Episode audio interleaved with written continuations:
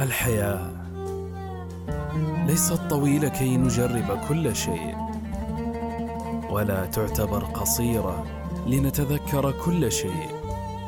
ولكنها جميلة إذا ما أيقنا أنها لا تساوي شيئا.